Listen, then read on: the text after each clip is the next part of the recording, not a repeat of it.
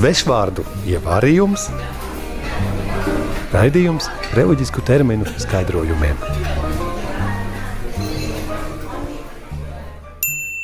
Šodienas burts ir Burts, k. Kārdinājums. Kārdinājums ir morālas nostājas pārbaudījums. Parasti vilinošs un labs, bet tāds, kurš ved uz garīgo nāvi. Piemēram, pamudinājums atstāt lūkšanas grūtību laikā vai šaubīties par dieva mīlestību ciešanu laikā.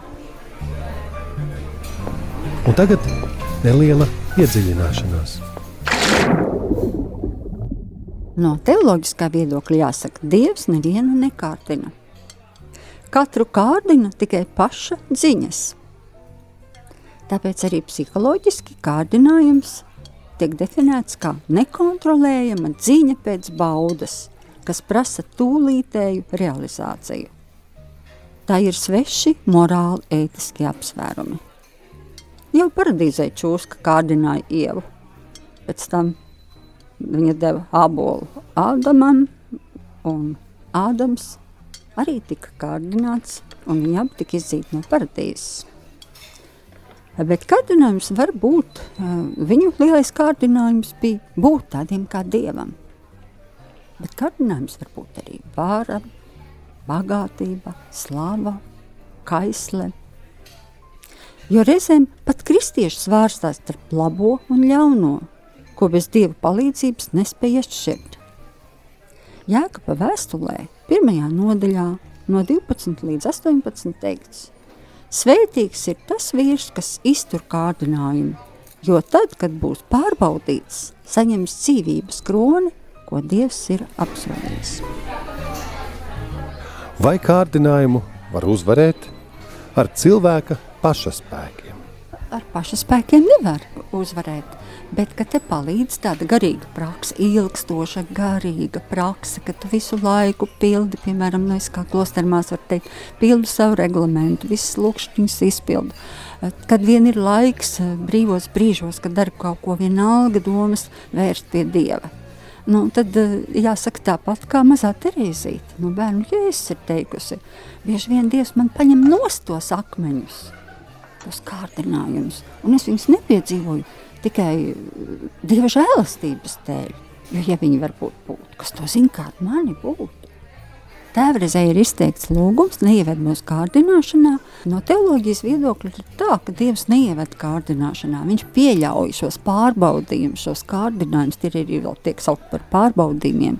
Bībelē vairāk kārt tiek arī šis termins tiek lietots. Un, Un tie mums ir vajadzīgi, lai mēs stiprinātos, lai mēs garīgi pieaugtu, lai mēs saprastu, cik mēs esam paši vāji savā spēkā, un lai saprastu, ka bez Dieva spēka, mēs, ar Dieva spēku mēs varam daudz ko izdarīt. Ļoti daudz, bet bez viņa nekā. Neieved mūsu kārdināšanā nozīmē palīdzi mums kārdinājumos, sniedz mums spēku, ka varam izturēt un tos uzvarēt. Un vēl gribētu teikt, ka Svētais Antonijs ir teicis arī, ka pat eh, šīs garīgās cīņas un gavēnis ir svētki, kad varam svinēt uzvaru par šiem kārdinājumiem. Burts ir... Burts g. Gavēnis. Gavēnis ir askētiska prakse, atturēšanās no kādas darbības, kas var būt kaitīga. Gavēnis ir saistīts ar mērenības tikumu, piemēram, atturoties no tā, kas sagādā baudu. Gavēnis paredzēts, lai sakārtotu iekšējos emocionālos stāvokļus, nevis uzlabotu vai bojātu veselību.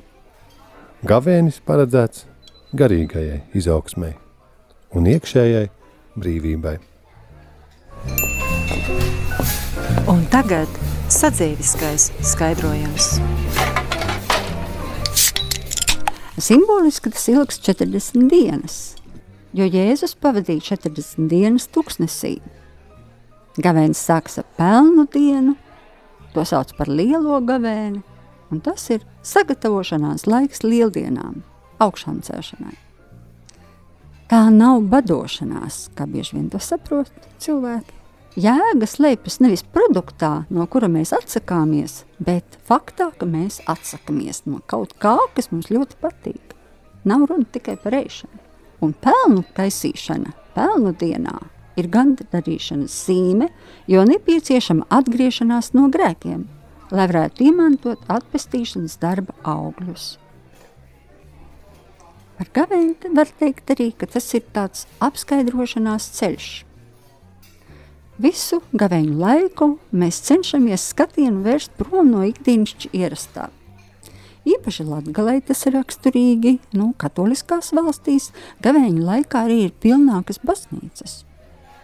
Ja citu laiku nē, tad, tad vismaz cilvēki vairāk iet uz baznīcu, uz liturģijā piedalās, pie sakramentiem iet, un lieldienu laikā arī ir obligāta ja nu tu neesi visu gadu bijis, tad lieldiena obligāti ir obligāti grēksots. Tad tā ir labi jāsagatavojas. Un gavēnis ir arī laiks, kad mēs sagatavojamies tādai labai grēksūdzēji. Tādā veidā attīrot dvēseli un miesu. Un notiek atjaunošanās, kas ir līdzīga dabas procesiem, jo parasti lieldienas ir pavasarī un visa daba atmostas, un arī cilvēks atmostas garīgai dzīvei. Ja bieži vien mums ir vajadzīgs atmest slinkumu, ierobežot sevi kaut kādās jomās, kas mūs kārdina. Piemēram, mazāk sociālos tīklus izmantot Facebook un tā tālāk. Bet ļoti svarīgi ir arī nu, nelielīties ar to, ka ir gavēnis. Jo agrāk par to arī tika runāts, ka farizēji ir tie, kas parāda tādus bēdīgus sējus, bēdīgus ģīmjus, kā teikts, jā, un viņi tagad lūg kavē. Tiesībā arī gavēšanai ir jābūt ar prieku, Dieva tēļ. Un gavēņu laikā hmm, sāsinās māņas, noskaidrojas prāts, Un es no savas klostera pieredzes varu teikt tādu piemēru, ka tad, kad mums pelnu dienā viena maltīte ir maize un ūdens, un, un lielajā piekdienā ir vispār maizīte un ūdens, tad es izgaršoju maizi. Mums uz galda ir tikai maizīte, pat dažādas šķirnes un ūdens. Un mēs viņu ēdam, mēs viņu ēdam no tāda prieku. Tā ir tik garšīga. Es nekad neesmu sap, tik garšīgu maizi ēdus, kā es ēdu kavēnī.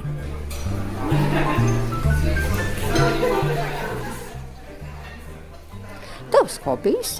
Um, ēdieni. Vai tu labi gatavo ēst? Nē, nē, es vienkārši ēdu.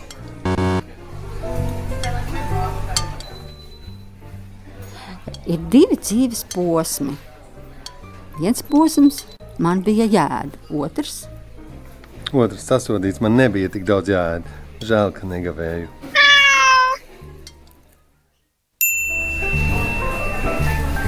Svešvārdu ievārījums, raidījums reliģisku terminu skaidrojumiem.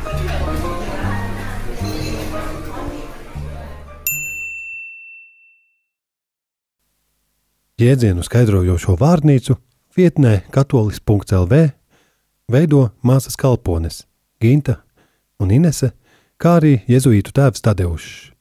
Savukārt radioversija top stingrā viestura vizuļa uzraudzībā.